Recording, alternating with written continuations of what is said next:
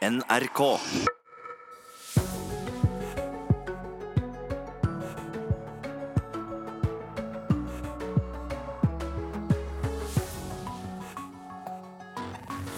Så er det altså klart, Norge har fått en borgerlig flertallsregjering. Med bare én stemmes overvekt stemte Kristelig Folkeparti for å gå inn. Er det et fornuftsekteskap uten begeistring? Vår kommentator har antydet det. Han kommer, flere andre også. Og flere har allerede meldt seg ut av partiet Kristelig Folkeparti. Ja, Bråket er allerede i gang. Forhandlingsleder og nestleder i KrF Kjell Ingolf Ropstad sa nemlig noe som har satt mange sinn i kok. Det kommer vi tilbake til flere ganger i løpet av denne sendingen, men 8. mars-toget på kvinnedagen i år kan nok bli større enn på lenge. Ordet kultur ble nevnt én gang under pressekonferansen i går med de forskjellige forhandlings- og partilederne. Ja, hva innebærer den nye regjeringsplattformen for kulturen? Blant annet lover de at et nytt vikingtidsmuseum skal bygges. Velkommen til Nyhetsmorgen med Ugo Fermarello og Ida Creed, der du også får høre at mye tyder på at den svenske regjeringsfloken også kan bli løst i dag, tro det eller ei, og at fylkeslegen i Hordaland mener det må bli lettere å fjerne leger som ikke gjør jobben sin, blant mye annet. Vi holder på helt frem til klokken ni.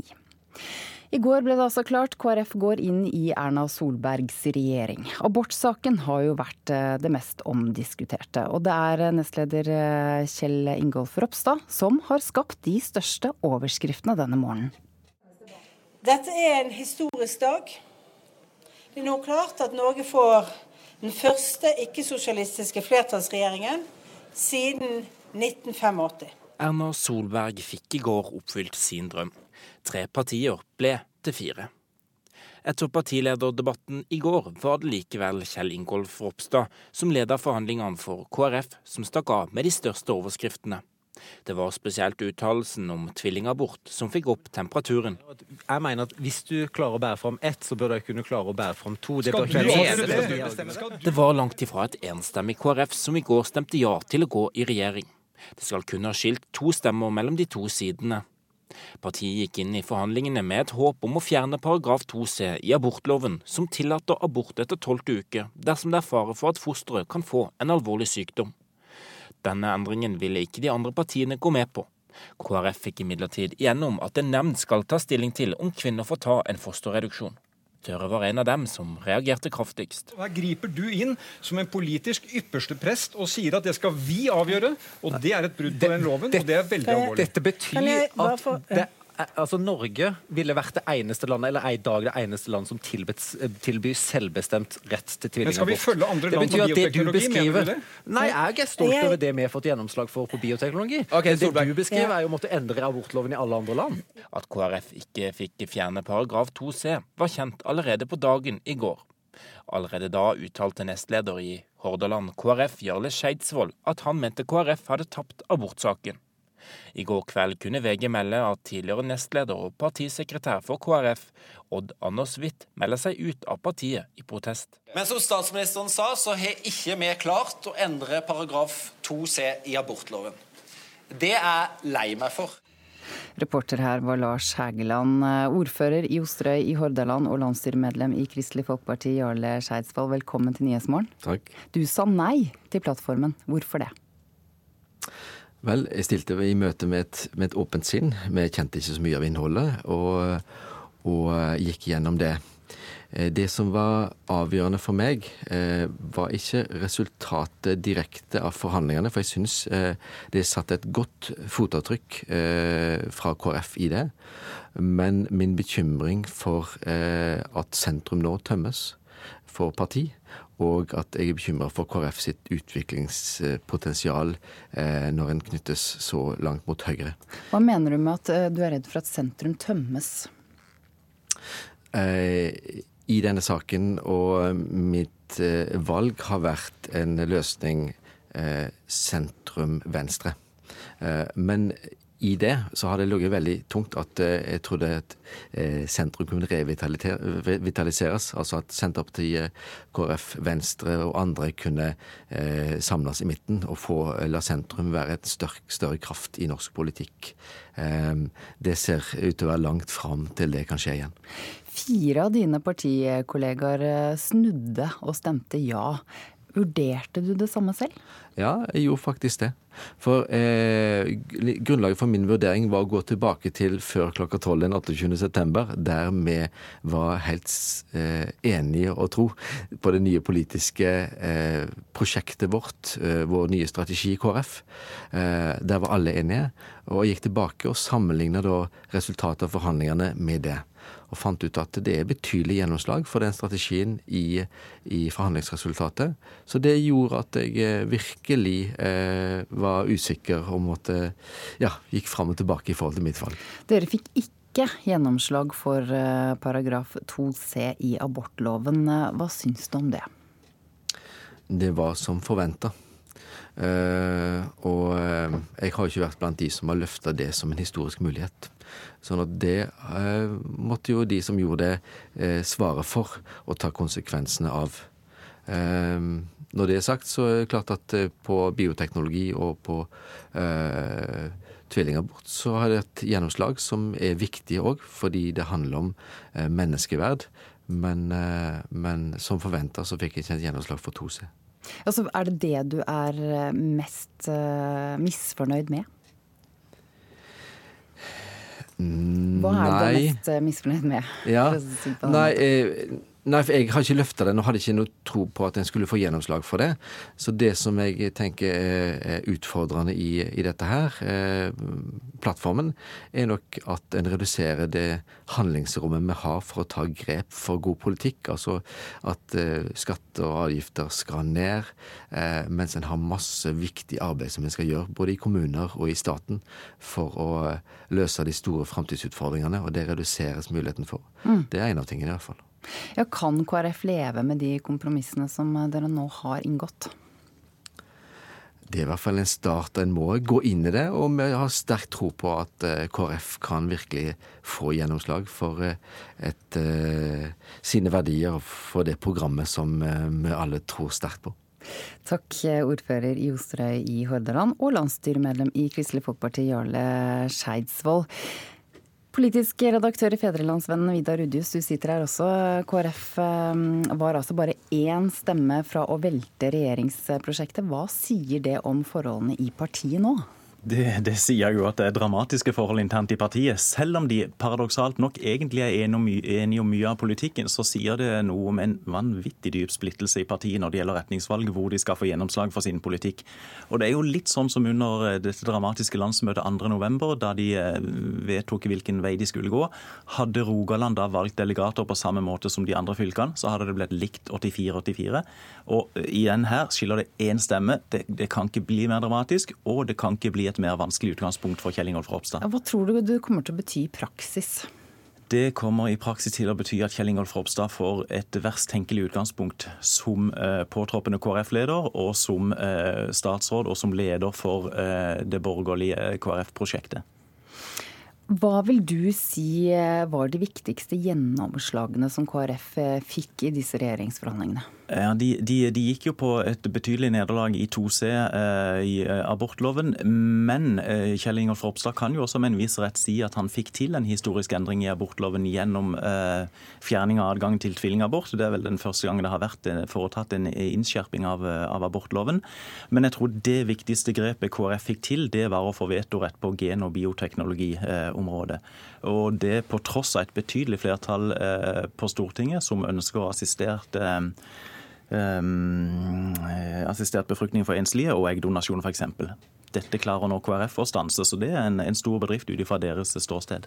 Som vi har hørt eh, denne morgenen allerede, og som vi kommer til å høre flere ganger i løpet av dagen, så sa jo KrFs da forhandlingsleder og nestleder Kjell Ingolf Ropstad at eh, sitat, kvinner som eh, bærer fram ett barn, bør klare å bære frem to.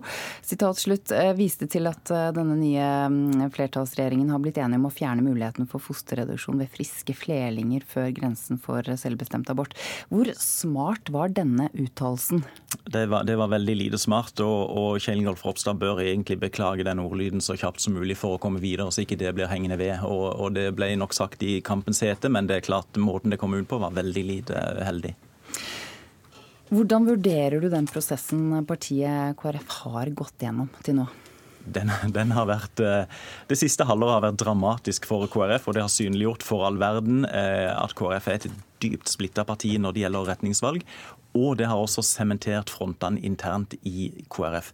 Så det, det, det er et dypt splitta parti som Kjell Ingolf Ropstad nå fører inn i regjering, og, og dermed Eh, han blir historisk ved at KrF går inn i regjering ved Frp, og han får et historisk dårlig utgangspunkt og krevende utgangspunkt. Klarer de å samle seg, tror du?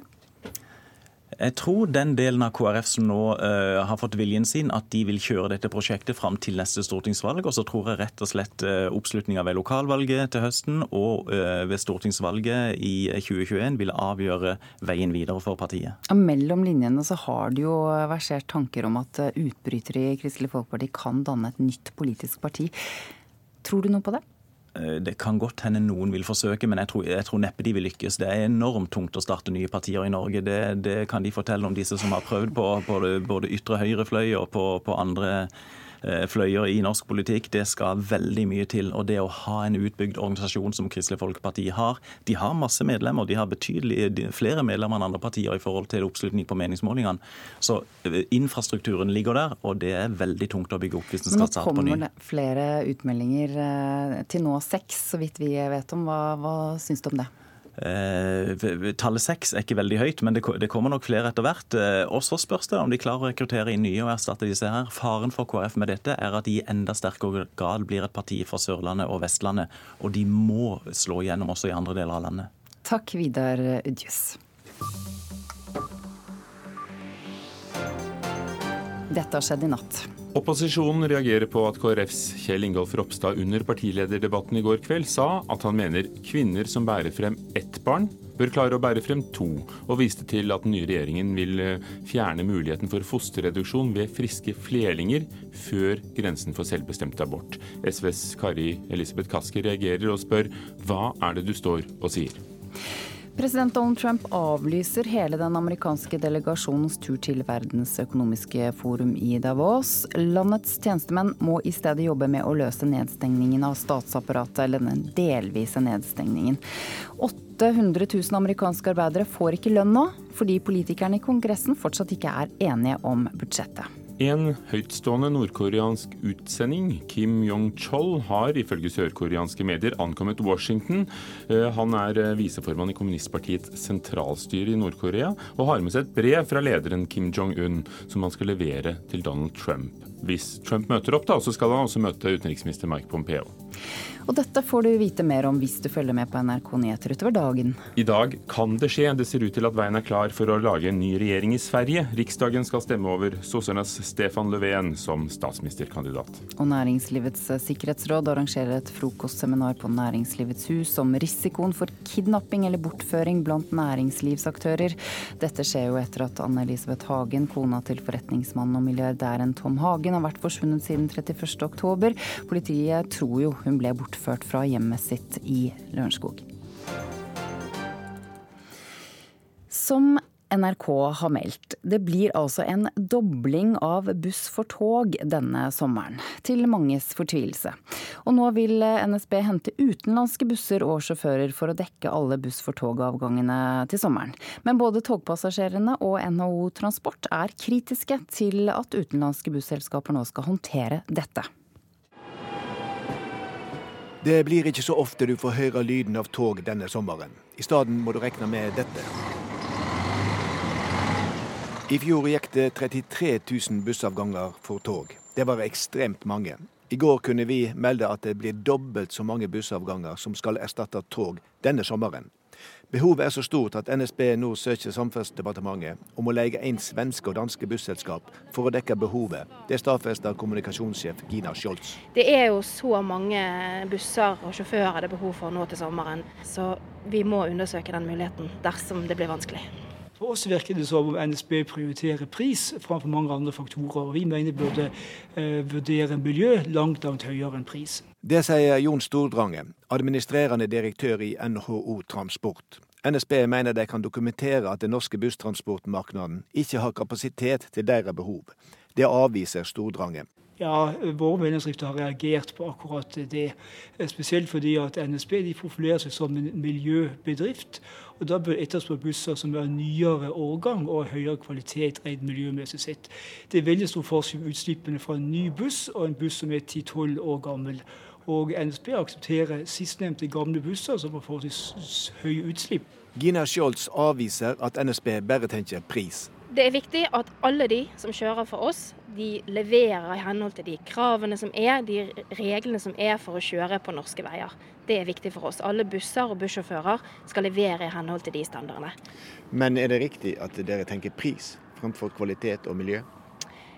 Pris er ikke viktigere enn miljø og kvalitet. Det er svært viktig for oss at det er god kvalitet, og at vi leverer et tilbud som også er miljøvennlig. Men også reisende vi møter, reagerer på at utenlandske busselskap skal erstatte toget. Jonas Vevatnet pendler Heggedal-Oslo daglig. Han er skeptisk. En ting er en trafikksikkerhetsbiten av det, men eh, vi har alle dessverre opplevd at sjåførene kjører feil og må rettledes av passasjerene hvor de egentlig skal. Og det har man ikke tid til når man i tillegg skal eh, helst skulle ta toget. Ja, det var eh, Bjørn Atle Gildestad som hadde laget denne reportasjen.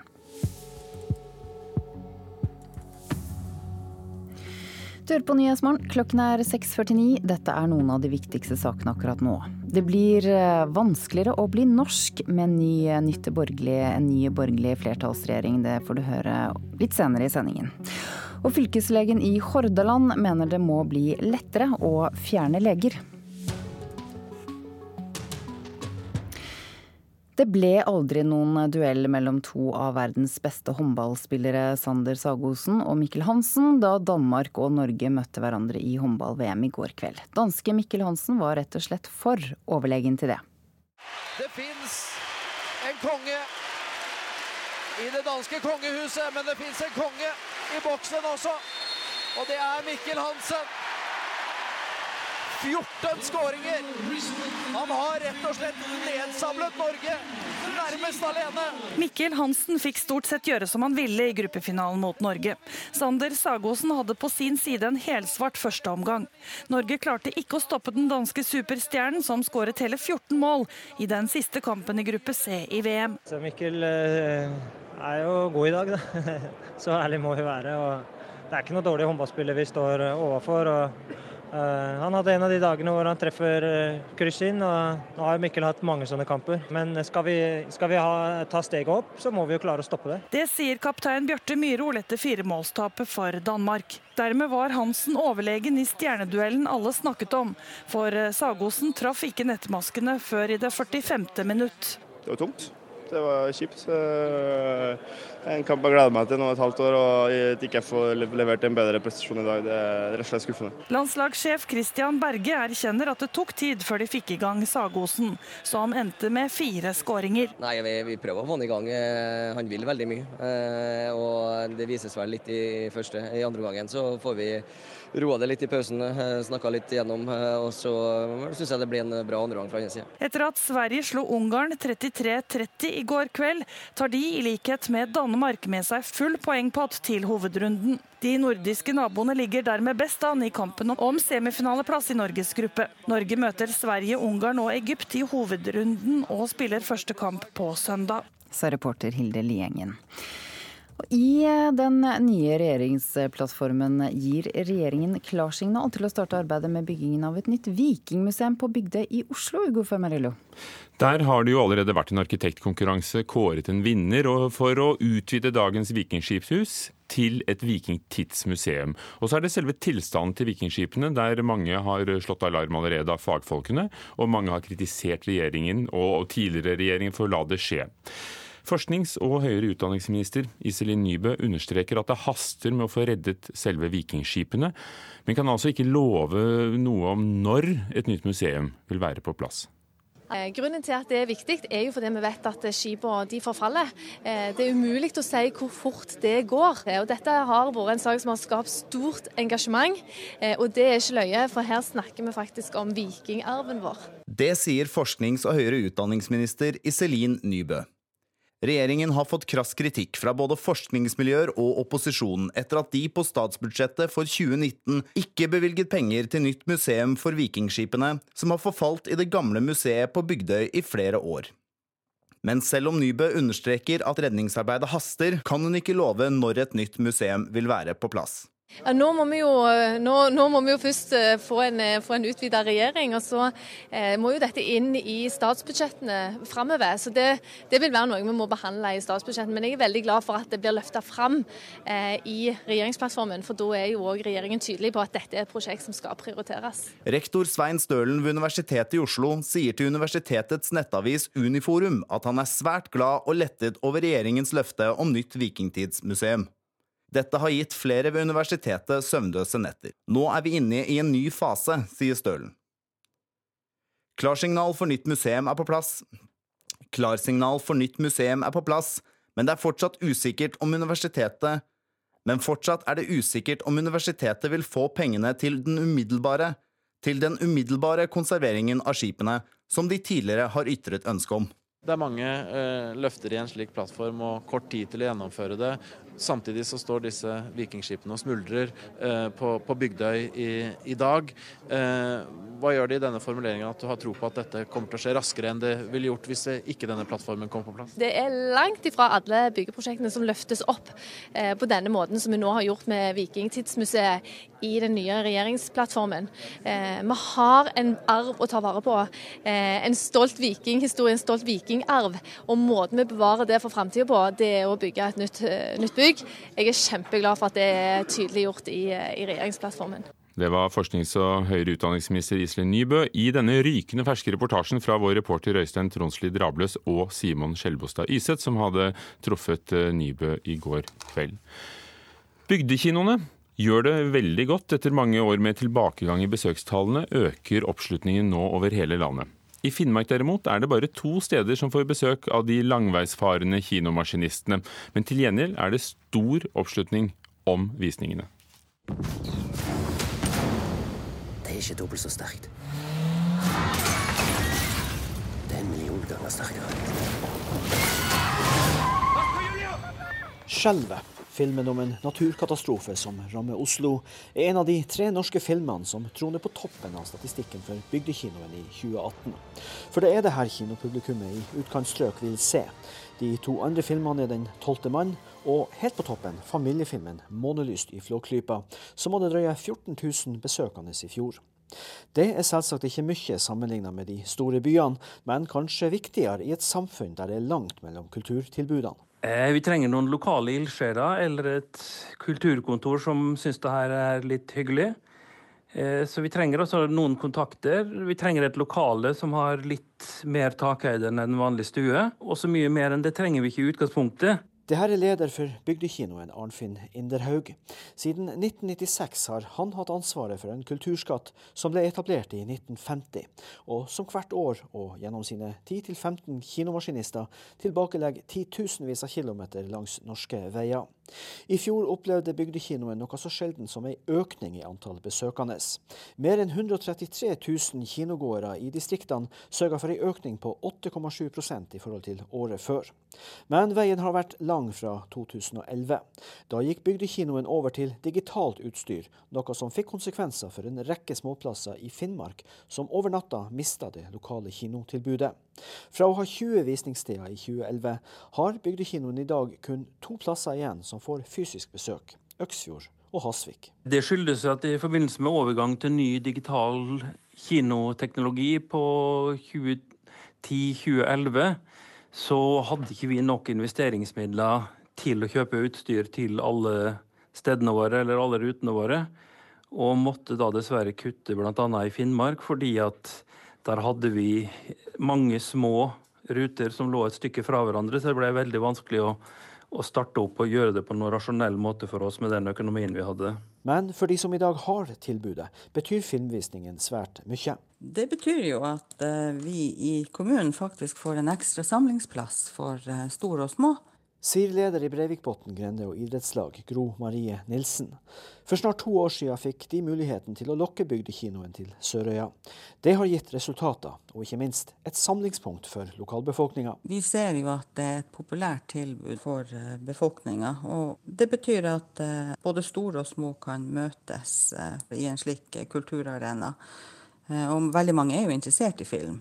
Og det som er fint, er jo at vi har filmer som er populære, og som er nyutgivelser og premierefilmer. Så, så det er veldig, veldig, spennende. Og så ser vi også at det er en god integreringsarena for alle de forskjellige nasjonene som bor i kommunen. Ser du mye film sjøl? ja, jeg er jo glad i kino, da. det er jo kanskje en av grunnene til at man, man sier at dette er et av hjertebarna til Grendelaget. Entusiasmen til tross, når man er så få, blir man ekstra sårbar. Og Gro Marie Nilsen medgir at det er takket være noen få ildsjeler at bygdekinoen i det hele tatt eksisterer i fiskerisamfunnet Breivikbotn. Vi kunne godt ha tenkt oss noen flere som hadde lyst til å stille opp en gang imellom. Vi har jo kino bare én gang i måneden, så det blir ikke den store belastninga per person hvis vi var flere. Det hører med til historien at det er Øksfjord og Hasviks nærhet til Troms som gjør at man har tilbudet. Det er nemlig kinomaskinisten fra Troms som tar den månedlige svippturen over fylkesgrensen. Bygdekinoens Arnfinn Inderhaug medgir at situasjonen ikke er ideell. Altså Hvis vi får henvendelser fra flere steder i løpet av en periode, så, så, vil vi måtte reflektere og gjøre noe med det. For, for oss er det også politisk viktig å kunne stille opp i Finnmark. Det er det ikke tvil om. Reporter Allan Klo var det som hadde vært på kino på bygdekino i Finnmark. Kvinner som eh, bærer frem ett barn, bør klare å bære frem to. Det sa KrFs Kjell Ingolf Ropstad i går kveld, og det har skapt reaksjoner, får du høre. Aller først nå en oppdatering fra Dagsnytt.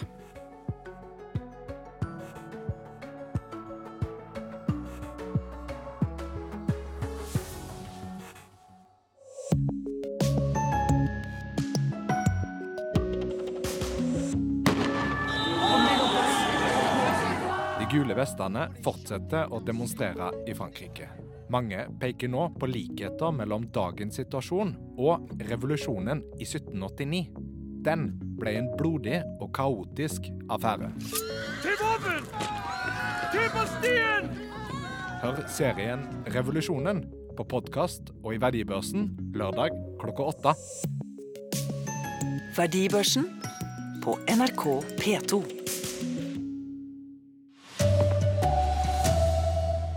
KrF var nær ved å torpedere hele regjeringsprosjektet i går. NSB får kritikk for å hente inn utenlandske busser og sjåfører når det blir buss for tog til sommeren. Her er NRK Dagsnytt klokka sju. I går ble det klart. KrF går inn i Erna Solbergs regjering. Abortsaken har vært det mest omdiskuterte, og det er nestleder Kjell Ingolf Ropstad som har skapt de største overskriftene jeg mener at hvis du klarer å bære fram ett, så bør du kunne klare å bære fram to. Det, det var langt ifra et enstemmig KrF som i går stemte ja til å gå i regjering. Det skal kun ha skilt to stemmer mellom de to sidene. Partiet gikk inn i forhandlingene med et håp om å fjerne paragraf 2c i abortloven, som tillater abort etter tolvte uke dersom det er fare for at fosteret kan få en alvorlig sykdom. Denne endringen ville ikke de andre partiene gå med på. KrF fikk imidlertid gjennom at en nemnd skal ta stilling til om kvinner får ta en fosterreduksjon. Sa reporter Lars Hægeland. Knut Arild Hareide, som trakk seg som KrF-leder i går, bekrefter at han ikke blir statsråd i den nye regjeringen. Hareide står fast på at han mener det ville være unaturlig, ettersom han har ønsket å ta partiet i motsatt retning av gårsdagens utfall. Hareide vil ikke kommentere om han kommer til å bli leder for KrFs stortingsgruppe. NSB vil nå be Samferdselsdepartementet om lov til å leie inn svenske og danske busselskaper for å dekke alle buss for togavgangene til sommeren. I fjor var det 33 000 bussavganger for tog. Til sommeren blir det dobbelt så mange bussavganger som skal erstatte tog pga. vedlikeholdsarbeid. Og da kan det hende vi må se til utlandet, sier kommunikasjonssjef i NSB, Gina Scholz. Det er jo så mange busser og sjåfører det er behov for nå til sommeren, så vi må undersøke den muligheten dersom det blir vanskelig. Men eh, Jon Stordrange i NHO Transport er ikke enig i det. Våre medlemsdrifter har reagert på akkurat det. Spesielt fordi at NSB profilerer seg som en miljøbedrift. og Da bør etterspørre busser som er nyere årgang og høyere kvalitet rent miljømessig sett. Det er veldig stor forskjell på utslippene fra en ny buss og en buss som er 10-12 år gammel. Og NSB aksepterer sistnevnte gamle busser som har forholdsvis høye utslipp. NSB avviser at pris og miljø ikke er viktig. Etterspørselen etter fastrentelån fortsatte å øke fjerde kvartal i fjor. Flere lånekunder vil binde renta på sine boliglån etter at Norges Bank satte opp renta i fjor høst og varslet flere framtidige rentehevinger, skriver Dagens Næringsliv. Trolig vil enda flere kunder spørre om fastrente på lånene sine i tida framover, for å sikre seg mot eventuelle rentehopp. NRK Dagsnytt Anders Borgen Werring.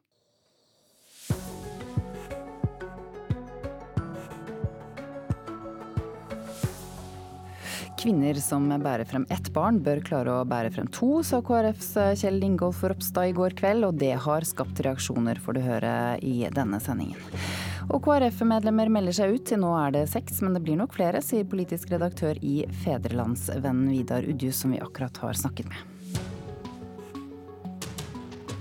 Ja, du hører på Nyhetsmorgen. Det skal også bli vanskeligere å bli norsk statsborger med den nye regjeringens politikk. Dessuten blir det nå et tak på 3000 kvoteflyktninger. Dette er to av flere innstramninger på asylområdet. En av dem som smilte bredt over den nye regjeringsplattformen i går, var FrPs Sylvi Listhaug. Vi strammer inn på kravene til norsk statsborgerskap, sånn at du må kunne bedre norsk framover enn du må i dag for å få bli norsk statsborger.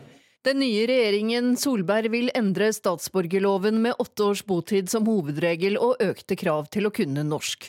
At det blir vanskeligere å bli norsk med den nye regjeringen, det er et gode, sier Frp Sylvi Listhaug. I går smilte hun også over at det blir tak på antall kvoteflyktninger. Vi skal ikke lenger. Eh, selv om de andre partiene ønsker det, så ville vi ikke være med på det. Og jeg er veldig glad for at vi er en enighet om det. Og at vi også har en forståelse av at dersom det kommer betydelige økninger, så må vi redusere antall kvoteflyktninger. Fordi vi da vil ha store utfordringer med å håndtere en økning i asylsøkerankomstene. 3000 er tallet som i dag, men tidligere het det at antallet kan endres. For de topptillitsvalgte i Kristelig Folkeparti var innvandringskapitlet hardt å svelge på Gardermoen. Sjefforhandler Kjell Ingolf Ropstad forsvarte det likevel sent i går kveld. Her mener jeg det er en balansert løsning, der du tar noen fornuftige grep øh, den ene og den andre veien.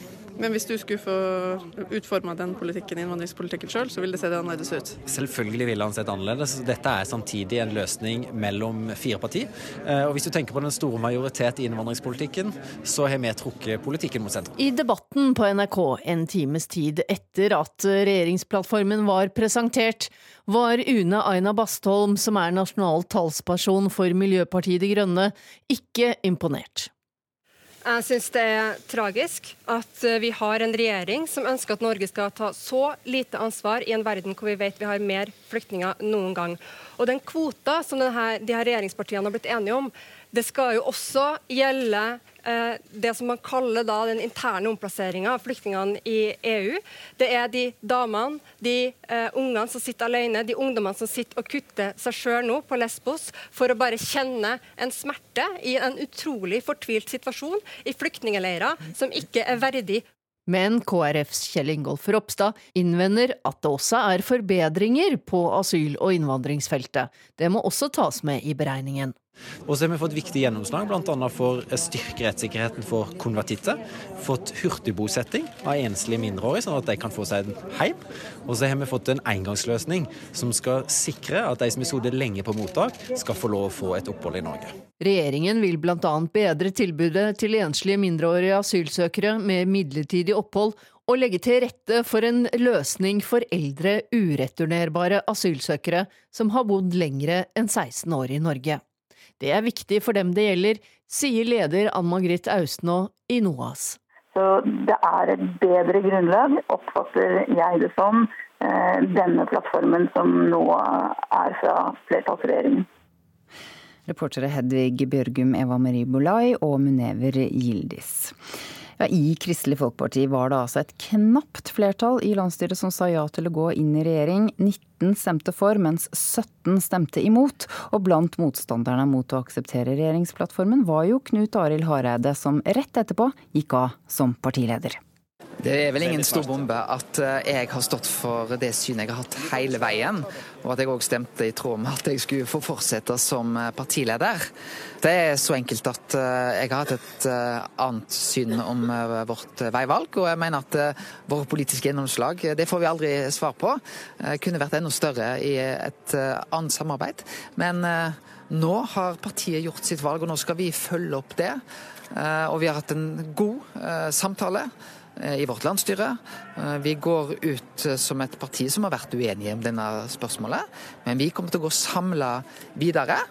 Men naturlig nok ikke med meg som partileder, og det mener jeg òg er riktig, når vi har tatt et veivalg som jeg som partileder var uenig i. Er det aktuelt for deg å gå i regjering? Nei, det er det ikke. Og det handler om at jeg gav eh, og var symbolet på de lovnadene vi gav i 2017-valget. Eh, og da var en av mine lovnader til velgerne ikke en regjering med Fremskrittspartiet. Seks KrF-medlemmer i Rogaland og én i Trøndelag melder seg nå ut av partiet etter at det altså ble enighet om en ny firepartiregjering. Rogalandsmedlemmene viser til at å sitte i regjering med ytre høyrefløy gjør noe med KrFs sjel, skriver Stavanger Aftenblad. Det er mange som nå er skuffet, sier Jarle Skeidsvold, som er førstenestleder i Hordaland KrF.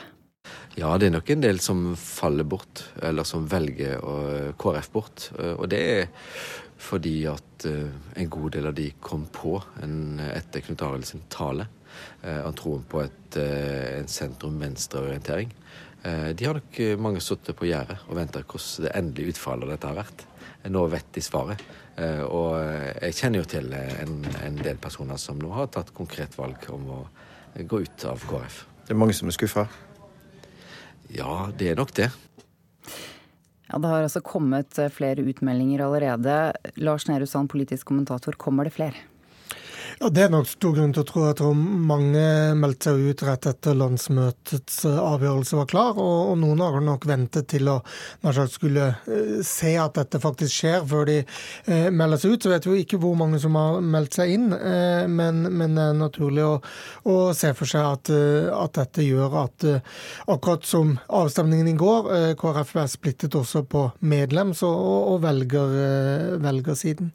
Det vil nok også være mange politikere i KrF KrF, som nå syns det er vanskelig å stille på liste for partiet i, eh, ved høstens eh, lokalvalg. Så det er jo også en konsekvens av dette, at det blir litt mer stille protester kanskje enn en bare høylytte utmeldinger. Det var altså et veldig knapt flertall i KrF som da gikk inn for å gå inn i regjeringen. Hva, hva sier det? Var det overraskende at det var så knapt? Ja, jeg vil si det, selv om landsmøtet var omtrent like knapt. Her var det med én stemmes overvekt. Da hadde det vært 18-18, og da hadde vel Knut Arild Hareides stemme, som fortsatt var partileder, eh, avgjort det hele. Samtidig, For han har dobbeltstemme. Nettopp. Og samtidig så eh, er det jo sånn at eh, det som eh, vipper dette, er at det er fire som stemte såkalt rødt på landsmøtet, som nå har stemt for denne plattformen, som egentlig redder dette flertallet. Så sånn sett så har jo forhandlingsresultatet til Ropstad overbevist også noen røde. Men det til side, så mener jeg det er uansett veldig uvanlig og ytterst spesielt at et så splitta parti går inn i regjering uten uten da en samlende entusiasme i bånn for et regjeringsprosjekt, eh, det tror jeg er et minimum for å, for å, egentlig lykkes. Nå sier man at dette er ikke noe hele partiet vil, og det bør det være når et parti gjør noe så, eh, så spesielt som å, å, gå inn i en regjering. Ja, nestleder Kjell Ingolf Ropstad har provosert mange ved at han i går kveld sa at kvinner som bærer fram ett barn, bør klare å bære frem to. Han vises til denne nye flertallsregjeringen som altså har blitt enige om å fjerne muligheten for fosterreduksjon ved friske flerlinger før grensen for selvbestemt abort. Hvor lurt var det å si dette, Ropstad? Det som er veldig uklokt med dette, er jo at det danner et veldig skjevt bilde av hva fosterreduksjon handler om. Det handler ikke om folk som eh, fordi de trenger ny bil eller vil trengt større hus, eh, lar være å bære frem det ene av de to barna. Eh, ofte er det helt andre årsaker som, som ligger bak. Så det er en veldig unyansert uttalelse av Ropstad, selv om han sikkert er sagt i, i, i Kampens heter etter en, en, stressende dag, så er det en uttalelse som, som han nok hadde tjent på at det ikke hadde vært sagt. Nå har vi snakket veldig mye om Kristelig Folkeparti.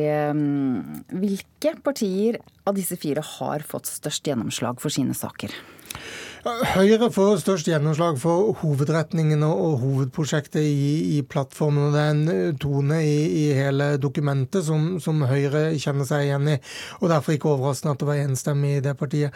Eh, så syns jeg nok Fremskrittspartiet kanskje er det partiet som har vært flinkest til å utnytte at her er det en flertallsregjering. Her kan man eh, binde stortingsflertallet til ting kanskje bare Fremskrittspartiet eller vil mene, eller som dette med, med statlig eldreomsorg, som nå fortsetter eller ting som det ville vært vanskelig for Fremskrittspartiet å faktisk få eh, flertall for. Så både innvandringspolitikken, bompengepolitikken, eh, en del av skatte- og avgiftspolitikken og prioriteringer der, er nok ting som det er tydelig Frp-preg på, eh, og som man skjønner at det ikke ville skjedd dersom ikke Frp satt rundt eh, bordet. Så de har for, forhandla lurt og, og, eh, valgt sine kamper med omhu. Mm. Ja, så er det da, Hvem er den største taperen? Jeg må nesten spørre. Jeg syns det er vanskelig å se, selv om Venstre skryter rettmessig av, av skjerpa klimamål, eh, så, så, er det jo ikke det å sette mål som har vært problemer i klimapolitikken, men å finne konkrete tiltak. Og jeg vet ikke om de økte tiltakene rimer med de økte målsettingene i eh, dette dokumentet. Og så får Venstre en viktig seier ved at eh, LAR-reformen, eh, altså legemiddelassistert rehabilitering av ruspasienter, at den fortsetter. Men jeg syns det var mye enklere å se Venstre gjennomslagene, kanskje ikke så rart, i fjor enn det var i år. Mm. Ja, hvordan tror du at, eh, at, folk kommer til å merke at vi nå har fått en, eh, en borgerlig flertallsregjering? Først og fremst at den politiske debatten og dynamikken i Norge blir annerledes. Mange vil da si at det blir mer forutsigbart og ro med en flertallsregjering. Det trenger det ikke bli. Eh, men det som i hvert fall er tydelig, er at nå har vi to blokker. Eh, en opposisjon som kan drive eh, veldig mye sterkere opposisjonspolitikk. Kan og må gjøre det. Og en regjeringsløy som må holde sammen etter beste evne. Og Det er jo der den entusiasmen og begeistringen som åpenbart ikke finnes for dette prosjektet budsjettet i, i, kanskje tre av de fire partiene eh, sikkert hadde vært en fordel for Erna Solberg når det kommer tøffere dager for denne regjeringskonstellasjonen. For det gjør det. Men nå har hun fått sin drøm drømmeregjering. Absolutt, og det er en historisk milepæl for eh, alle som er opptatt av borgerlig politikk i Norge. Disse fire partiene skal jo mest sannsynlig da gå til valg sammen i 2021, eh, og er selvfølgelig styrka sin sjanse for gjenvalg når det er fire partier enn tre. Men hovedproblemet for Erna Solberg er og blir at både Venstre og KrF må over sperregrensen på eh, meningsmålene, ikke minst da på valgnatta i 2021, og det er jo langt fra sikkert. Politisk kvarter utvides med fem minutter i dag, programleder eh, Lilja Sølvesvik, for dere har mye å snakke om i dag. Ja, selvfølgelig trenger vi fem minutter ekstra i dag. Vi skal ha med oss Kjell Ingolf Ropstad, og vi må jo eh, høre han kommentere dette her med at de ligger an til å ha et eh, historisk dårlig utgangspunkt for denne historiske regjeringen, sånn som flere har vært inne på her i dag. Flere har vi også hørt i morges, i Nyhetsmorgen, si at akkurat den uttalelsen om at en kvinne som kan bære fram ett barn, kan, godt, kan, like godt bære fram to. Ja, altså Politisk redaktør Fedrelandsvennen Vidar Rudhus mente altså at han burde si unnskyld, rett og slett? Ja, nettopp. Og vi får høre hva han har å si. Om han står fast ved det, eller om han har lyst til å si, eh, si unnskyld. Vi skal også ha med Sylvi Listhaug. Det er jo hun som har kalt KrF godhetstyranner, og som eh, dessuten er nærmest brukt som et skjellsord i eh, røde KrF-kretser. Hvordan skal det bli for henne å samarbeide med KrF? Og så er det jo sånn at Frp sier de har fått en bedre regjeringserklæring enn i fjor. Betyr det at Venstre har fått eh, dårligere, eh, dårligere vilkår enn de hadde i fjor. Ola Elvehustuen, nestleder, skal snakke om det. Og så kommer Hadia Tajik da fra Arbeiderpartiet, og jeg regner med hun har tenkt å pirke borti alt sammen. Men eh, jeg må jo minne på også at eh, de beila jo til KrF omtrent like mye som andre sida i, i høst. Og jeg lurer jo på hvor mye av det KrF har fått gjennomslag for nå, som de faktisk kunne ha fått om de samarbeider med Arbeiderpartiet. Politisk kvarter klokken 7.40 i dag. Nå er klokken 7.16, det er Nyhetsmorgen du hører på, med disse hovedsakene. Opposisjonen reagerer på at KrFs Kjell Ingolf Ropstad under partilederdebatten i går kveld sa at han mener kvinner som bærer frem ett barn, bør klare å bære frem to. Og NSB får kritikk for å hente inn utenlandske busser og sjåfører når det blir buss for tog til sommeren.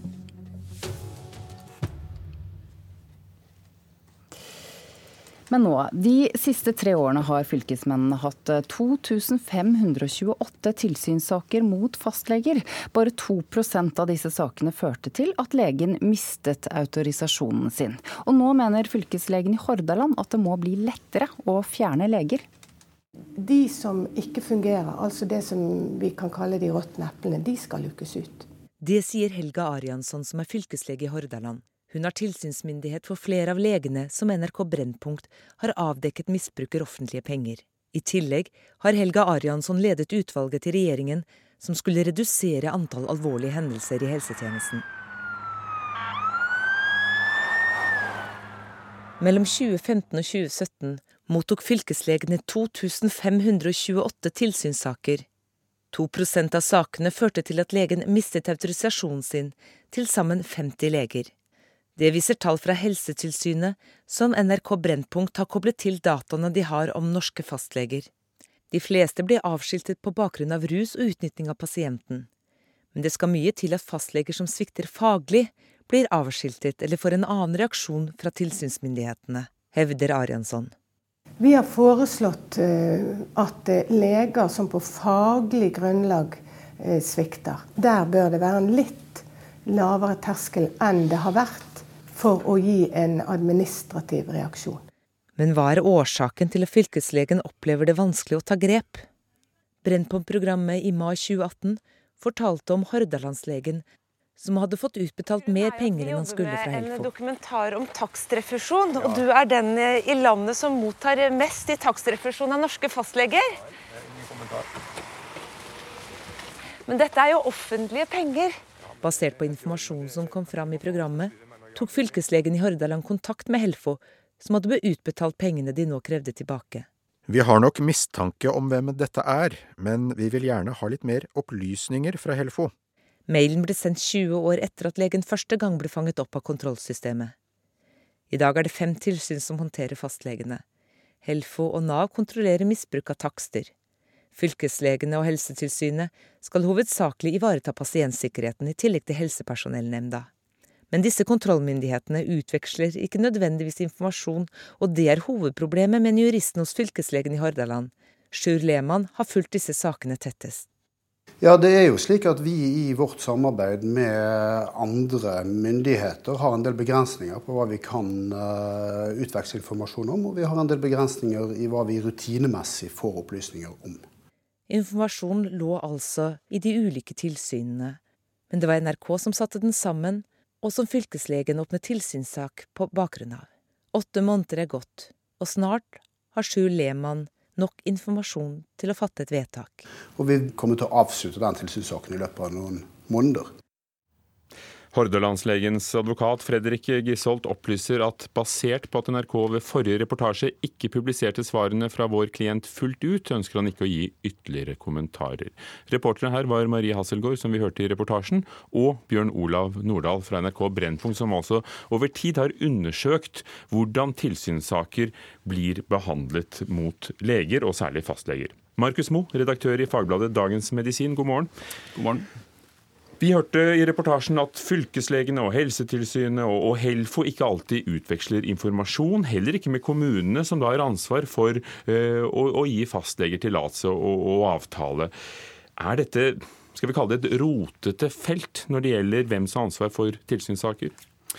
Ja, jeg syns reportasjen på en god måte illustrerer hvor komplisert eh, feltet er, og hvordan aktører jobber eh, med sine ting og sine problemstillinger. Og det mangler på en måte en overordnet eh, plan eller en samordning for å sette disse ulike puslespillbrikkene sammen til et større bilde. Så Derfor er eh, utspillet til Aronsson et godt eh, utspill, syns jeg. For det trengs, det trengs, koordinering og det trengs ledelse på dette feltet for å, for å, for å se disse sakene mer, mer samlet. Som du nevnte, Fylkeslegen i Hordaland sier altså at det bør bli lettere å gi en reaksjon til leger som svikter på faglig grunnlag. Hvor vanskelig er det i dag? Det tror jeg det er veldig vanskelig å, å ta leger for annet enn det å eh, misbruke stillingen sin, sånn som vi hørte i reportasjen, enten gjennom eh, rus, utnyttelse av pasient. Så jeg tror det er viktig å ta den debatten. Eh, for det er jo åpenbart sånn at eh, det er jo ingen menneskerett å være lege i vårt samfunn. Eh, det er et ulikt maktforhold mellom pasient og lege. Eh, så det er viktig at legene har eh, den aller beste, den aller beste faglige praksis.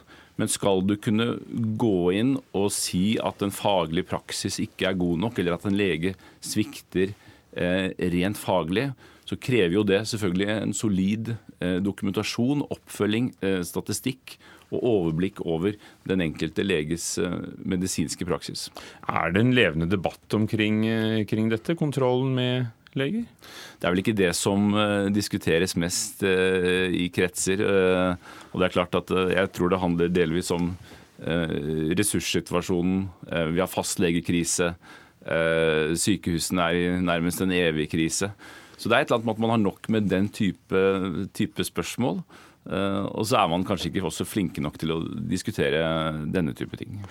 Og så har vi altså tallene som eh, Brennpunkt har funnet. 2528 tilsynssaker over eh, et par år. Av disse, og de er ferdig avsluttet, resulterte 50 med at legene mistet autorisasjonen. Helfo betaler ut hvert år 5 milliarder kroner til fastlegene. Har de god nok kontroll over legene?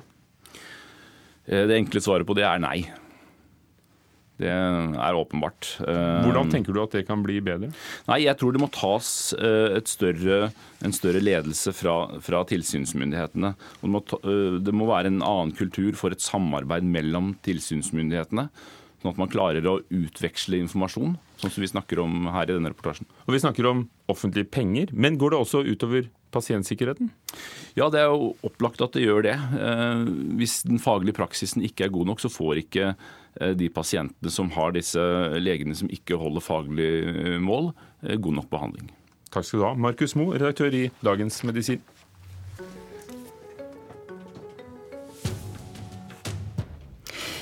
I dag får Sverige endelig en ny regjering. Riksdagen skal stemme over om de ønsker Stefan Löfven fra Sosialdemokratene som statsminister. Det har jo vært fire måneder preget av usikkerhet, samtaler og uenigheter. Statsministeren er glad det er over, og ser frem til å komme i gang etter avstemningen i dag. Denne regjeringsbildningen eh, og denne prosessen kan nå gå mot sitt slutt, og det er bra. Derfor at Sverige behøver en regjering. Det måtte en borgerlig splittelse til for at Löfven fikk fortsette. I valget 9.9 fikk ingen av blokkene flertall. Men én ting var alle partiene enige om. Ingen ville at landets tredje største parti, høyrepopulistene i Sverigedemokraterna, skulle få innflytelse. Nå er den mangeårige borgerlige alliansen splittet. Senterpartiet og Liberalerne vil i dag støtte at Sosialdemokraterna og Miljøpartiet fortsetter å styre Sverige.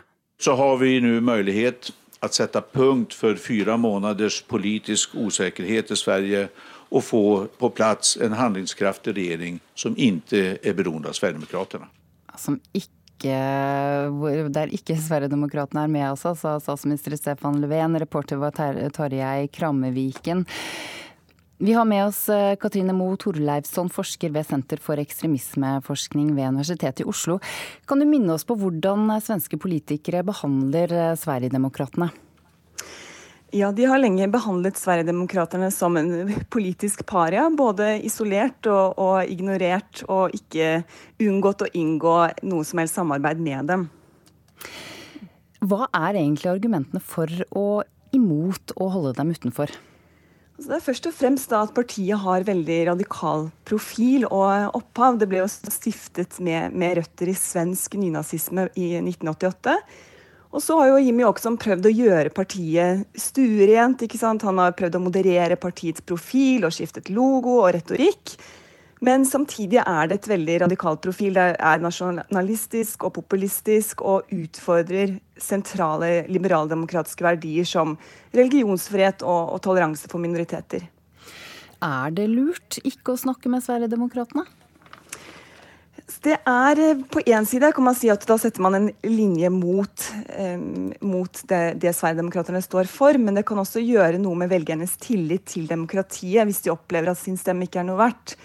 Og Sverigedemokraterna er Sveriges tredje største parti. altså De fikk 17,6 eh, oppslutning. Så det er klart at eh, det kan gjøre at det blir større misnøye blant velgergruppen til Sverigedemokraterna, og at partiet kan fortsette å vokse nå etter dette valget.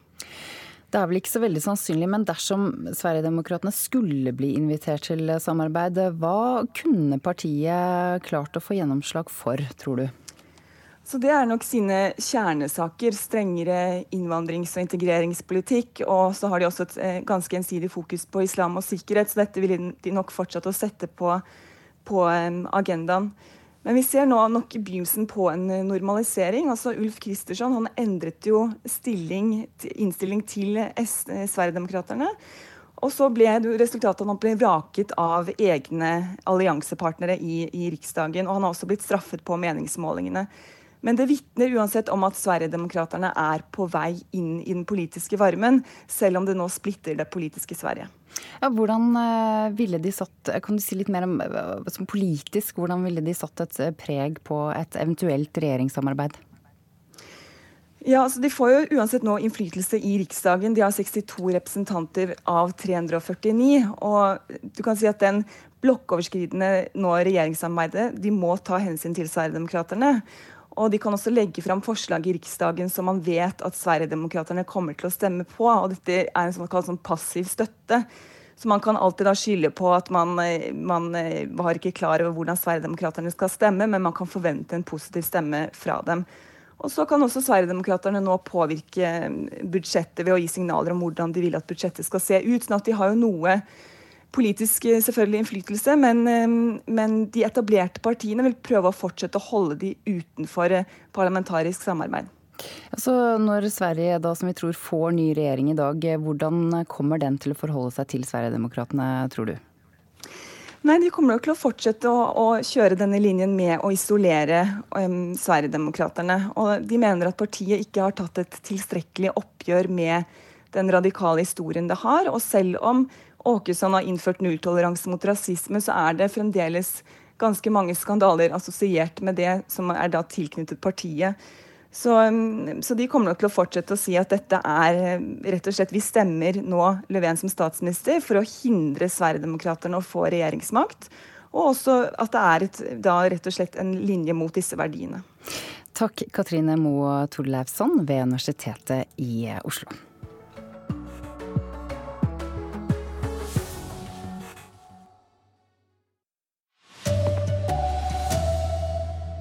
KrF blir regjeringskamerat, men holdt på å torpedere hele flerpartiprosjektet til Erna Solberg. Fylkeslegen i Hordaland mener det må bli lettere å fjerne leger. NSB får kritikk for å hente inn utenlandske busser og sjåfører når det blir buss for tog til sommeren. God morgen, her er NRK Dagsnytt klokka er 7.30. Arbeiderparti-nestleder Hadia Tajik reagerer sterkt på Kjell Ingolf Ropstads abortutspill. I debatten i går så sa KrF-nestlederen at han mener kvinner som kan bære fram ett barn, også bør kunne bære fram to. Tajik mener utspillet er forkastelig. Dette er en kommentar som definerer verdigrunnlaget til Kjell Ingolf Ropstad. Eh, det er en kommentar som viser at han er villig til å gjøre seg selv til en overdommer over kvinners dypt personlige og ganske vanskelige valg. Jeg tror eh, denne kommentaren kommer til å følge han. Sier nestleder i Arbeiderpartiet Hadia Tajik. Erna Solberg fikk oppfylt sin drøm i går. Tre partier ble til fire. Etter partilederdebatten i går var det likevel Kjell Ingolf Ropstad som ledet forhandlingene for KrF, som stakk av med de største overskriftene. Det var spesielt uttalelsen om tvillingabort som fikk opp temperaturen. Jeg mener at Hvis du klarer å bære fram ett, så bør du kunne klare å bære fram to. Det, det skal kun ha skilt to stemmer mellom de to sidene i KrF under valget om å gå inn i regjering. Partiet gikk inn i forhandlingene med et håp om å fjerne paragraf 2c i abortloven, som tillater abort etter tolvte uke dersom det er fare for at fosteret kan få en alvorlig sykdom. Denne endringen vil ikke de andre partiene gå med på. KrF fikk imidlertid igjennom at en nemnd skal ta stilling til om kvinner får ta en fosterreduksjon. Rødt-leder Bjørnar Moxnes gikk i debatten i går i bresjen for Norges største protesttog mot KrF-leder Kjell Ingolf Ropstad på kvinnedagen 8. mars. Nestleder i Hordaland KrF, Jarle Skeitsvold, sier til NRK at han mener aborttapet bør få konsekvenser. Det var som forventa. Uh, og uh, jeg har ikke vært blant de som har løfta det som en historisk mulighet. Sånn at det uh, måtte jo de som gjorde det, svare for og ta konsekvensene av. Reporter her Lars Hægeland. Det skal bli vanskeligere å bli norsk statsborger med den nye regjeringens politikk. Dessuten blir det nå et tak på 3000 kvoteflyktninger. Dette er to av mange innstramminger på asylområdet. En av dem som smilte bredt over den nye regjeringsplattformen i går. Det var FrPs Sylvi Listhaug. Vi strammer inn på kravene til norsk statsborgerskap, sånn at du må kunne bedre norsk framover enn du må i dag for å få bli norsk statsborger. Den nye regjeringen Solberg vil endre statsborgerloven med åtte års botid som hovedregel og økte krav til å kunne norsk. At det blir vanskeligere å bli norsk med den nye regjeringen, det er et gode, sier FrPs Sylvi Listhaug. I går smilte hun også over at det blir tak på antall kvoteflyktninger vi skal ikke lenger. Eh, selv om de andre partiene ønsker det, så ville vi ikke være med på det. Og jeg er veldig glad for at vi er en enighet om det. Og at vi også har en forståelse av at dersom det kommer betydelige økninger, så må vi redusere antall kvoteflyktninger. Fordi vi da vil ha store utfordringer med å håndtere en økning i asylsøkerankomstene. 3000 er tallet som i dag, men tidligere het det at antallet kan endres. For de topptillitsvalgte i Kristelig Folkeparti var innvandringskapitlet hardt å svelge på Gardermoen. Sjefforhandler Kjell Ingolf Ropstad forsvarte det likevel sent i går kveld. Her jeg mener jeg det er en balansert løsning, der du tar noen fornuftige grep, øh, den ene og den andre veien. Men hvis du skulle få utforma den politikken, innvandringspolitikken sjøl, så ville det se det annerledes ut? Selvfølgelig ville han sett annerledes. Dette er samtidig en løsning mellom fire partier. Eh, og hvis du tenker på den store majoritet i innvandringspolitikken, så har vi trukket politikken mot sentrum. Reportere her Hedvig Bjørgum, Eva Marie Bulai og Munever Gilditz. Ja, politisk kommentator her i NRK, Lars Nehru Sand. Eh, det blir altså en borgerlig firepartiregjering. Abortspørsmålet har vært og ser ut til å bli et betent diskusjonstema, for i går så sa altså KrFs forhandlingsleder Kjell Ingolf Ropstad kvinner som bærer fram ett barn, bør klare å bære fram to. Hvor lurt var det å si det? Det er uklokt av to grunner. Det ene er at det skaper et annet inntrykk av hva fosterreduksjon er, kontra eh, med, med, det man får her. Det handler ikke om folk som eh, bare velger for enkelhets skyld å ikke bære frem eh, flere barn enn ett. Eh, politisk så er det uklokt av Ropstad hvis han ønsker at eh, KrF skal bli husket for noe annet enn abortsaken. Eh, han skal huskes for denne barnereformseieren sin. Nå drukner jo det i skyggen av dette sitatet. Så hørte vi Listhaug her var relativt fornøyd med det som har eh, blitt en regjeringsplattform. Da. Men hvilke partier har fått størst gjennomslag? Jeg syns nettopp Fremskrittspartiet har vært uh, smarte i sitt valg av uh, kamper å kjempe innad i forhandlingsrommet. De har lykkes i å utnytte det at dette blir en flertallsregjering. Nå har de bundet et stortingsflertall til mange av sine standpunkt som det enten ikke ville vært flertall for, eller bare ville fått uh, Fremskrittspartiets stemmer. Og så er det mye i det at Høyre får det de kaller helheten, eller som er den store gjennomgangstonen i, i politikken, og ikke minst at det nå er et et, eh, et flertall på eh, borgerlig side, selv om det er akk så skjørt. Takk skal du ha, politisk kommentator Lars eh, Nehru Sand, som skynder seg ut av studio her nå etter hvert, for han skal være med i Politisk kvarter. Det er utvidet i dag med fem minutter. Det betyr at programleder Lilla Sølvesvik er klar i studio allerede klokka 7.40. Og det er på P2 og i Alltid nyheter. 2528 tilsynssaker mot fastleger har fylkesmennene hatt de tre siste åra. Bare 2% av sakene førte til at legen mistet autorisasjonen sin. Nå mener fylkeslegen i Hordaland det må bli lettere å fjerne leger. De som ikke fungerer, altså det som vi kan kalle de råtne eplene, de skal lukkes ut. Det sier Helga Ariansson som er fylkeslege i Hordaland. Hun har tilsynsmyndighet for flere av legene som NRK Brennpunkt har avdekket misbruker offentlige penger. I tillegg har Helga Ariansson ledet utvalget til regjeringen som skulle redusere antall alvorlige hendelser i helsetjenesten. Mellom 2015 og 2017 mottok fylkeslegene 2528 tilsynssaker. 2% av sakene førte til at legen mistet autorisasjonen sin, til sammen 50 leger. Det viser tall fra Helsetilsynet, som NRK Brennpunkt har koblet til dataene de har om norske fastleger. De fleste blir avskiltet på bakgrunn av rus og utnytting av pasienten. Men det skal mye til at fastleger som svikter faglig, blir avskiltet eller får en annen reaksjon fra tilsynsmyndighetene, hevder Ariansson. Vi har foreslått eh, at eh, leger som på faglig grunnlag eh, svikter, der bør det være en litt lavere terskel enn det har vært for å gi en administrativ reaksjon. Reportere Maria Hasselgaard og Bjørn Olav Nordahl. En høytstående nordkoreansk utsending har eh, kommet til eh, Washington, der han skal eh, møte USAs president Donald Trump. Det skriver det sørkoreanske nyhetsbyrået Jonap. Utsendingen skal ha med seg et brev fra leder Kim Jong-un. Brevet skal leveres til Donald Trump. Nyhetsbyrået spekulerer i at partene etter et møte i dag skal kunngjøre en ny dato for et nytt toppmøte i sommer. NSB vil hente utenlandske busser og sjåfører for å dekke alle buss for togavgangene til sommeren. Men både togpassasjerer og NHO Transport er kritiske til at utenlandske busselskap skal håndtere dette. Og som NRK meldte i går, det blir en dobling av buss for tog denne sommeren. Det blir ikke så ofte du får høre lyden av tog denne sommeren. I stedet må du regne med dette. I fjor gikk det 33 000 bussavganger for tog. Det var ekstremt mange. I går kunne vi melde at det blir dobbelt så mange bussavganger som skal erstatte tog denne sommeren. Behovet er så stort at NSB nå søker Samferdselsdepartementet om å leie inn svenske og danske busselskap for å dekke behovet. Det stadfester kommunikasjonssjef Gina Scholz. Det er jo så mange busser og sjåfører det er behov for nå til sommeren, så vi må undersøke den muligheten dersom det blir vanskelig. For oss virker det som om NSB prioriterer pris framfor mange andre faktorer. og Vi mener burde eh, vurdere miljø langt langt høyere enn pris.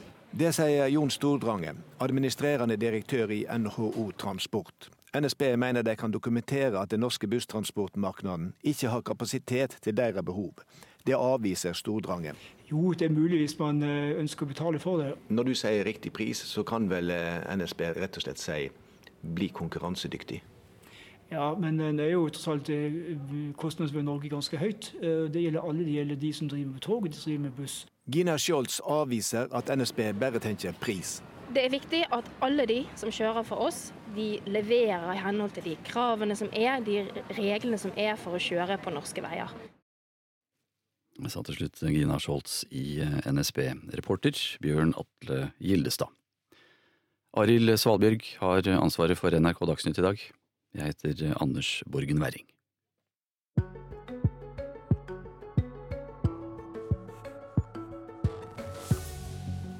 I neste uke skal det skje. Fire borgerlige partier danner regjering for første gang siden 80-tallet.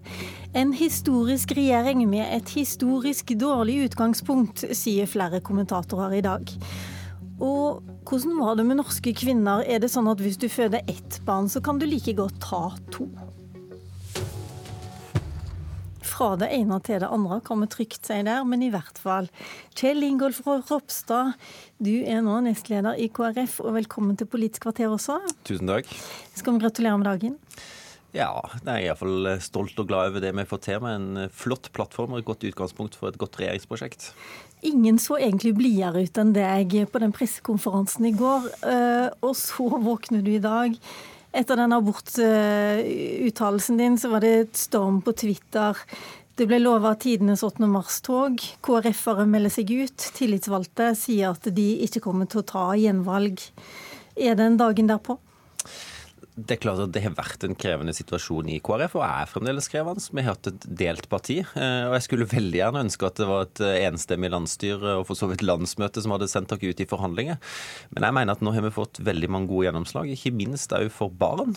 Tenk deg at vi skal øke barnetrygden kommer... med 7002. Ja. Eh, og jeg tror at den samla politikken som vi skal føre, eh, den vil òg skape begeistring hos KrF-erne, og forhåpentligvis være med og samle partiet. Regner du bare med en avskalling nå? Er det naturlig at de som eh, er på venstresida i KrF nå melder seg ut?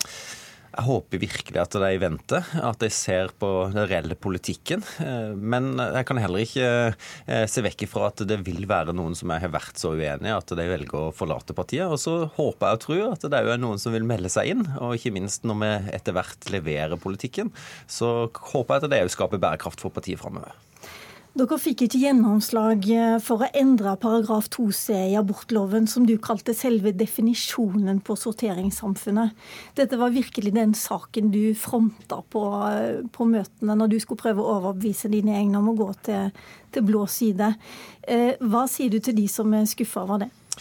Nei, Jeg er selvsagt lei meg for at ikke vi klarte det. Eh, og så er jeg veldig glad for at vi klarte det andre som jeg òg brukte tid på i de talene, nemlig et forbud mot tvillingabort. Eh, pluss at vi har fått veldig mange viktige gjennomslag både når det gjelder å hindre endring i bioteknologiloven, men òg positive mm. tiltak for familier som får sårbare barn, som òg legger til rette for at flere ønsker å bære fram, og syns at det er mulig å bære fram barn som har spesielle behov. I fjor så var det da åtte som, eh, som, tok bort et tvillingfoster i Norge. Eh, for to år siden så var det rett og slett ingen som gjorde det. Er dette et stort nok gjennomslag for dere i abortsaken? Altså det vi vet er at Norge er, jo, er det eneste landet som, som tillater det før uke tolv. Eh, og vi er jo redd for at den utviklinga ville fortsatt etter det ble lov for et par år siden. Eh, så Derfor så mener vi jo at uh, tvillinger hører sammen. Uh, og De faglige anbefalingene er jo verdt at dette ikke burde være lov, eller burde iallfall skyves på.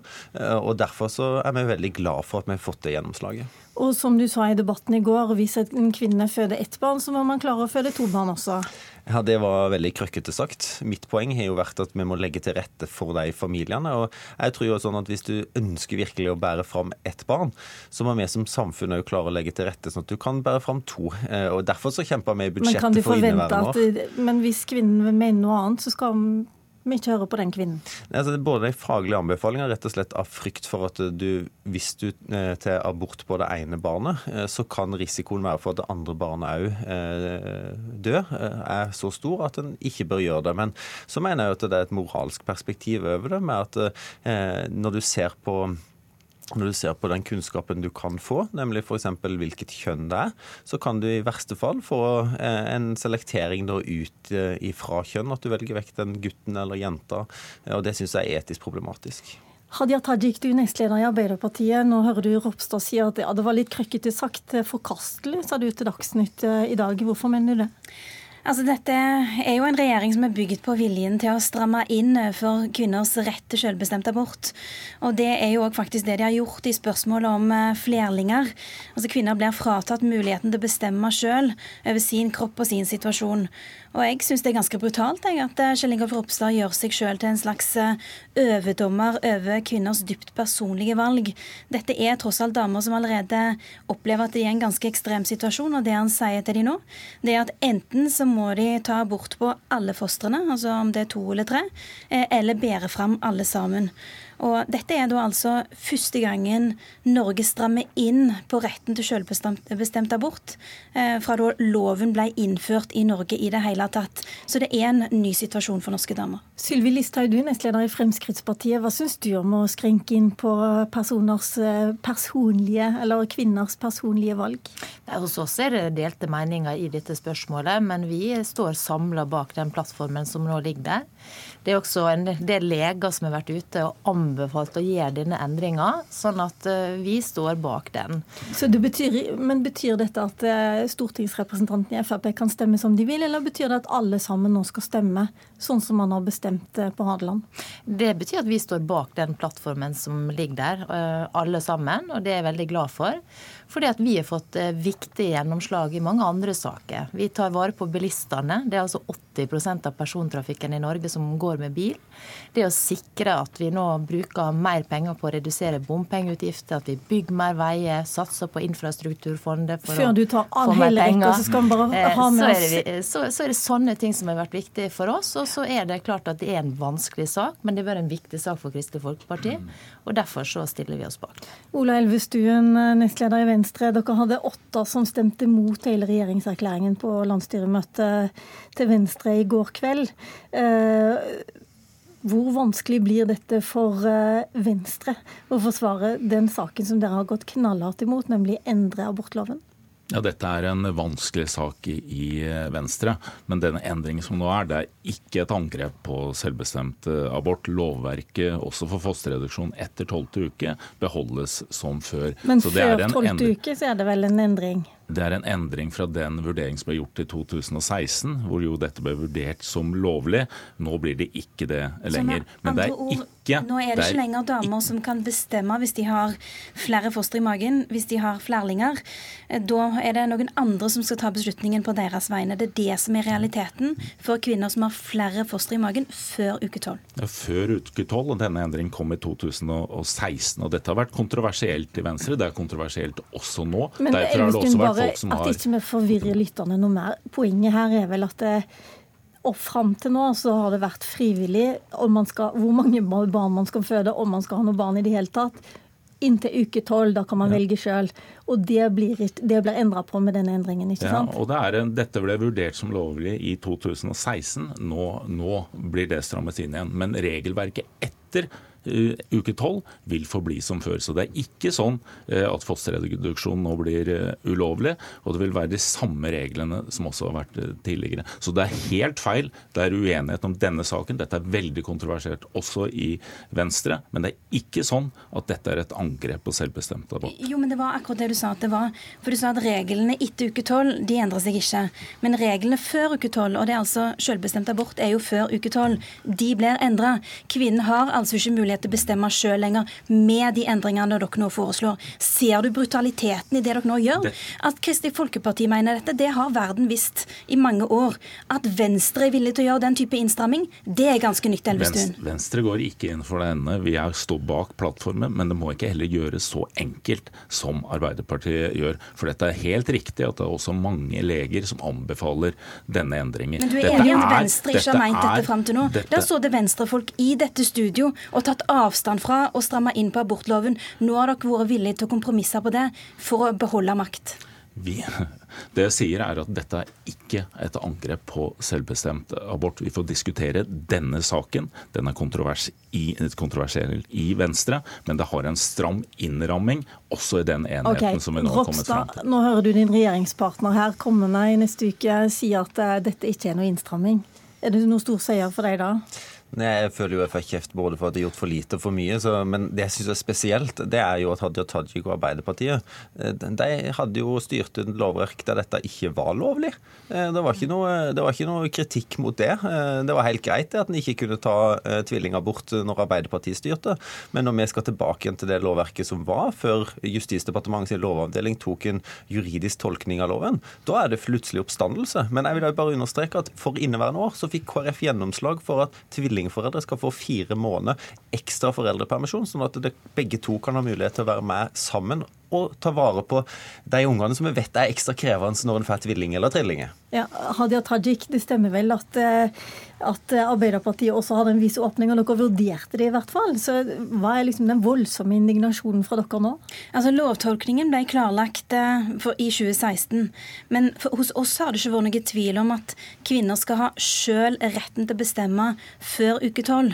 Enten man har ett eller flere fostre i magen. Kunne fosterreduksjon vært aktuelt for Arbeiderpartiet hvis dere hadde fått det til uten å endre lov? Nei, det kan jeg vanskelig se for meg. fordi hva er alternativet for disse damene? Det er, jo ikke, det er jo ikke sånn at alternativet bare er, som Ropstad sier, å bære fram alle disse fostrene. Eh, realiteten kan være for ganske mange damer at de blir stilt overfor det brutale andre alternativet, nemlig at det da er abort på alle fostrene. Og det, det mener vi at det er en ekstrem påkjenning på en kvinne som allerede er i en ganske vanskelig situasjon. Okay. Det som man òg ser i denne plattformen, er at eh, Kristelig Folkeparti har fått vetorett i absolutt alle spørsmål knytta til bioteknologien. Det har òg Venstre uh, vært med på å akseptere. At det ikke vil skje noen endringer knytta til eggdonasjon eller assistert befruktning. Eller for så vidt uh, det som gjelder forskning på uhelbredelige sykdommer, der man trenger inngående kunnskap òg knytta til bioteknologi. Okay. Og på tidlig ultralyd, der man i dag ser at damer som har penger, eh, betaler for det og får muligheten til det, mens eh, damer som ikke har penger, ikke får den muligheten. Det er konsekvensene For av oss som ikke har studert hele regjeringsplattformen så veldig nye, mye i natt, så får man et sånt inntrykk av at ok, KrF de har fått på barn familie, abort. Sylvi Listhaug, du sitter her og smiler. Det gjør du veldig ofte. Men eh, du ser også ut, det høres ut som du er fornøyd med hva du har fått til på innvandringsdelen. Dere gikk inn i regjeringsforhandlingene med klare krav på at dere måtte ha ytterligere innstramminger. Fikk dere egentlig det, når hoved, eh, hovedsvaret er at dere ikke skal ha flere kvoteflyktninger? Ja, altså Det var veldig viktig for oss, for det var jo krav før forhandlingene om at man ønsker å øke det antallet. Nå har vi satt et tak. Dersom det kommer store asylankomster, så skal det reduseres. Så har vi også fått til, fordi vi har sett i det siste en rekke medieoppslag bl.a. om personer som har kommet som flyktninger til Norge, fått opphold. Så reiser de tilbake på ferie i det landet de har flykta fra. En del kommer tilbake, blir returnert om de kan, men noen kan oss ikke returnere. Vet du hvor mange Da er jeg veldig glad for at eh, vi nå har fått på plass, eller skal få på plass en ordning der de får en straff gjennom karantene, eh, slik at det får en konsekvens. Fordi at det er med på å undergrave hele asylsystemet. Og spørsmålet vet du hvor mange det gjelder? Ja, Så vidt jeg vet nå, så har UDI 120 saker som, eh, som de har til behandling på dette her. Vi vet at dette her er et problem. Som, Det er jo ikke veldig mange det heller. 120 saker. ja, Det er de som er oppdaga. Og så vil vi jo regne med at det er en del som ikke blir oppdaga. Derfor er det viktig at vi avslører det. For det er med på å undergrave hele asylsystemet. Så skal vi stramme opp kravene til norskkunnskap for å få statsborgerskap. Og ikke minst så ligger alle de eh, innstrammingene som vi har fått gjennomført de siste åra fast. Dette er et område som Fremskrittspartiet har styrt eh, med stødig hånd, Og og der dette vi har vi snakka mye om. kontroll. Ja, det Ola. Elvestuen, var dette like vanskelig for Venstre å gå med på? Du, nå var jo Bare for et år siden på Jeløya så var det å øke antallet kvoteflyktninger en seier for Venstre. Og det var en seier for Venstre også ved budsjettet når vi nå gikk opp til 3000 kvoteflyktninger. og Da er ikke det et tap at vi nå skal fortsette med 3000 kvoteflyktninger i åra framover. Det er vel det balansepunktet som nå denne regjeringen har, eh, har eh, funnet. Og så, viser, så, så videreføres også de eh, punktene som ligger fra Jeløya. Og vi er også enig i at når vi har et asylsystem, så skal det ikke misbrukes. Og de endringene som nå er, det kan vi også være med på. Jeg lurer på både Ropstad og Elvestuen, egentlig. Er dere enig i det Siv, nei, Siv Jensen sa på pressekonferansen i går kveld om at eh, dette er en bedre regjeringserklæring for Frp enn Jeløya i fjor? Kanskje jeg skal spørre deg først, Det må, det må Fremskrittspartiet svare på. Ja, Det Men betyr dette- vel kanskje ikke at Venstre har fått like mye som i fjor, da? Det, I fjor Hvis var det andre får mer, vi- så får dere mindre. vi- Sånn er det bare i den forbindelse. Nei, dette er ikke sånn at alltid når noen får mer, som får andre mindre. Okay. Vi har et veldig godt uh, grunnlag på Jeløya-plattformen som, vi som vi er godt fornøyd med. Vi er også godt fornøyd med de forsterkningene som ligger her, særlig innenfor eh, klima- og miljøpolitikken, hvor vi jo nå har beslutta at vi skal ta 45% av utslippskuttene i Norge. Okay, det er en når stor skal, når, endring. når Fremskrittspartiet er veldig fornøyd med innstrammingene på, på innvandring, de er veldig fornøyd med at de skal bruke en milliard på å redusere bompengene, og at det ikke blir avgiftsøkninger på fossile biler, så betyr vel det at Venstre kanskje ikke har fått så mye på de samme områdene? Nei, Da er vi kjempefornøyd med at vi viderefører de elbilfordelene er, At vi opptrapper fortsatt med det riktige biodrivstoffet. At vi skal, at vi skal fortsette målsetting og arbeidet for at du bare skal selge nullutslippskjøretøy i 2025. At vi har ytterligere mål i 2030. Og at det skal legges en konkret plan for å nå de uh, målene. Og så er det ikke sånn i Venstre heller at det er et mål i seg selv å ha så høye bompengepriser som mulig. Eh, Kjell Ingolf Ropstad, kvinnen som sitter ved siden av deg nå, og som du skal i, i hvert fall samarbeide med i regjering fra neste uke, hun har jo vært nesten et sånn skremmebilde for, for enkelte KrF-ere, og et godt argument for at KrF aldri skal gå inn i regjering med Frp. Hvordan skal dere to samarbeide videre? Vi har hatt konstruktiv eh, diskusjon de siste 14 dagene. Jeg har vært rykende uenig, og jeg har vært sinna på Sylvi og sagt klart ifra når jeg har vært uenig. Eh, men det har vært konstruktivt, eh, og jeg håper at det samarbeidet framover kan være konstruktivt. Fordi vi går i regjering sammen, så er ikke det noen form for fusjon. Vi skal være ulike partier, men ha respekt for hverandre. Og den felles politikken som vi nå er enige om, det grunnlaget, det ligger til grunn for det samarbeidet. Er det en godhetstyrann du har på sida av deg, Sylvi Listhaug? Nei, jeg må si at det er en veldig real og hyggelig person som jeg har stor respekt for. Og jeg vil si at hele det teamet som Kristelig Folkeparti stilte med, eh, var, ja, har bare godt å si om. Så jeg syns vi fant gode løsninger der de fikk seire, Venstre fikk seire, Høyre fikk seire og Fremskrittspartiet. Det er en god balanse, og vi fikk det vi var opptatt av, nemlig å ta vare på bilistene, styre innvandringspolitikken videre med noen innstramminger. Og vi fikk til også å redusere eiendomsskatten. Så for oss har vi tydelige og gode gjennomslag. Er det lettere å samarbeide med Ropstad og Bollestad enn med Knut Arild Hareide, som nå har gått av som KrF-leder? I hvert fall så har jeg et veldig godt inntrykk av de som forhandler sammen med oss på Granvolden, og jeg er sikker på at vi skal få til et godt samarbeid. Og du hadde ikke like jo... godt inntrykk av Hareide, er det du sier?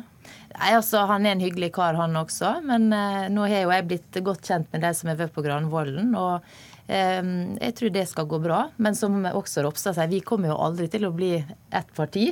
Vi er forskjellige partier, og det er jo noe av det som er viktig i dette firepartisamarbeidet.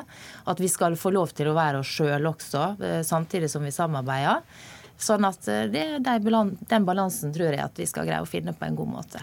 I går morges så hørte vi på Dagsnytt og Nyhetsmorgen flere av fylkeslederne i Frp som sier at eh, nå må Sylvi Listhaug komme tilbake inn i regjeringen. Har du lyst? Vet du, Jeg har det veldig bra på Stortinget. Ja, det jeg, men har du lyst? Meg. Nei, dette her er noe som eh, partilederne nå skal jobbe med. Jeg har det utmerket på Stortinget. Jeg har hatt et år der jeg har fått reist mye, møtt masse folk, vært ute og ja, rett og slett uh, tatt tempen på hva som skjer rundt omkring i landet. Og det har vært aldeles strålende. Så det er ingenting imot å fortsette med. Hadia Tajik, hva kunne KrF ha fått til med Arbeiderpartiet eh, som de ikke får til nå? Altså, Jeg forholder meg til at KrF har tatt sitt valg, og at de nå er en del av eh, den nye høyredominerte regjeringa.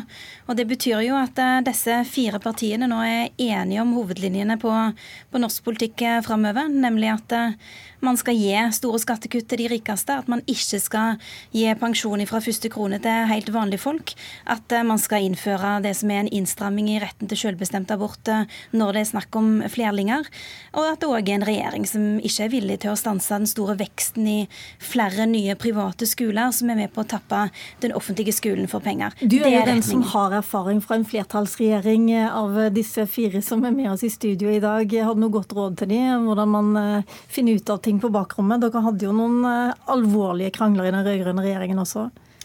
Altså, jeg tror i hvert fall at det ikke lønner seg å forsøke å dekke over politisk eh, uenighet. og Nå ble det nesten litt sånn koselig stemning her i stad, når alle, alle roste hverandres eh, persontrekk og, og skrøt av sine egne områder. Men, men realiteten er jo Hørtes ut som dere, sånn som dere prøvde på. Nei, men altså, Realiteten er jo at eh, altså Venstre har jo akseptert eh, langt på vei den politikken som Fremskrittspartiet ønsker å føre eh, på innvandring, mens eh, Fremskrittspartiet har akseptert den politikken Venstre ønsker å føre på klima. Så okay. jeg tror det kan bli ganske spennende politiske diskusjoner her fremover. Og den åpna du for akkurat nå, men eh, vår tid, selv om vi hadde fem ekstra minutter i dag, eh, den er faktisk omme. Jeg får bare si lykke til, og vi kommer sterkt tilbake til selvfølgelig ny regjering i neste uke. Politisk kvarter her var vi Lilla Sølhusvik i dag. Takk til Ropstad, takk til Sylvi Listhaug, takk til Hadia Tajik og takk til Ola Elvestuen.